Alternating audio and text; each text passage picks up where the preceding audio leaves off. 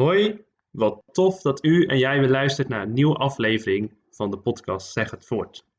Ik ben Jonathan van Vliet, ik ben 23 jaar, ik ben voor drie avonden in de week jeugdleider en spreker bij Follow Up. Ik ben bijna afgestudeerd als hbo-theoloog aan de Christelijke Hogeschool in Ede. Vandaag gaan we het er met elkaar over hebben hoe je in alle fragmenten van je leven een stukje van God kan laten zien. En met een moeilijk woord noemen ze dat dus een gefragmenteerde wereld. En dat houdt in, nou ja, je hebt je sportclub, je hebt je, natuurlijk de kerk, uh, je hebt je vriendengroep, uh, misschien heb je een niet-christelijke vriendengroep, collega's waar je mee omgaat. En alle stukjes. En dat is steeds lastiger omdat elke groep uh, op een andere manier reageert, op een andere manier ervaring ermee heeft of totaal geen ervaring ermee heeft. En hoe kun je daarin steeds meer iets van je leven laten zien? Voor de wat oudere luisteraars onder ons, die herkennen nog wel dat misschien vroeger uh, de vrienden van de kerk dezelfde waren als op je sportclub, dezelfde als die je overal sprak. En dat het allemaal één hetzelfde netwerk was. Maar nu is dat veel meer kleine stukjes samen.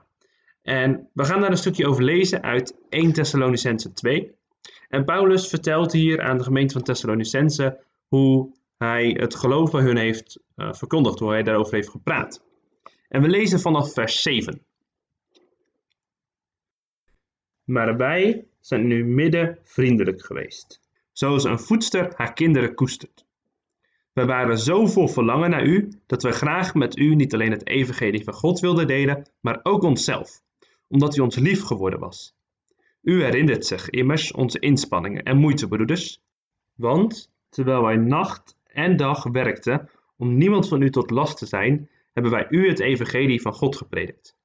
U bent getuige en God, hoe heilig en rechtvaardig en onberispelijk wij geweest zijn, bij u die gelooft. Zo weet u hoe wij elk van u afzonderlijk opwekten en aanmoedigden, net als een vader zijn kinderen. Wij roepen u ertoe op waardig te wandelen voor God, die u roept tot zijn koninkrijk en heerlijkheid.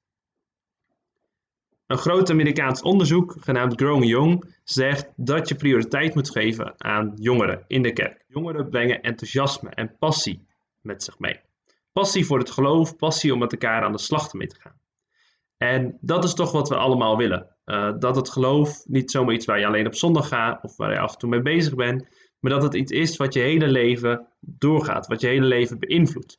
En zo kun je enthousiast zijn over een sportclub, over, over een sport of over een band. Zo gun ik het ook aan iedereen om enthousiast te zijn over het geloof. En jongeren zijn echt op zoek naar enthousiasme, naar passie.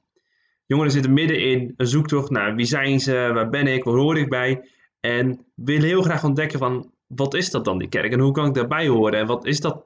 En ze zoeken daarom een plek waar mensen enthousiast zijn. Waar mensen blij zijn met dat ze naar de kerk kunnen gaan. En blij met het geloof kunnen zijn. Daarbij belangrijk dat jongeren dat kunnen zien, dat ze dat kunnen herkennen. Nou, en wat dat natuurlijk met het stuk van vandaag te maken heeft, daar wil ik even mee kijken naar vers 8. Wij waren zo vol verlangen naar u, dat wij graag met u niet alleen het evangelie van God wilden delen, maar ook onszelf, omdat u ons lief geworden was. In een andere vertaling staat er ook wel, maar ook ons leven. Dus Paulus zegt hier van, hé, ik wil mij niet alleen het geloof delen van mezelf, en daarover vertellen, maar ook mijn leven en hoe ik dat doe. En ik denk dat dat ook de plek is voor volwassenen. Dat volwassenen een voorbeeld kunnen zijn met hun leven. Er staat ook in een aantal onderzoeken: jongeren hebben inspirerende volwassenen nodig. Volwassenen die, waar ze naar op kunnen kijken, waar ze van kunnen leren. En niet omdat die alles weten, maar gewoon dat ze kunnen ontdekken van hé, hey, hoe leef jij je geloof? Hoe doe jij dat in alle stukjes van je leven?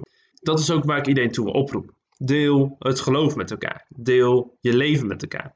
En laat zien hoe je enthousiast bent over het geloof. Waardoor je enthousiast wordt. Wat, wat vind jij interessant aan het geloof? Wat maakt dat jij elke zondag naar de kerk gaat? Dat is waar jongeren van willen weten. En daarop kunnen zij ook hun keuzes maken. Hoe vul ik mijn leven in? Wil ik christen zijn? Wil ik daarbij horen? En waarom zijn deze mensen enthousiast?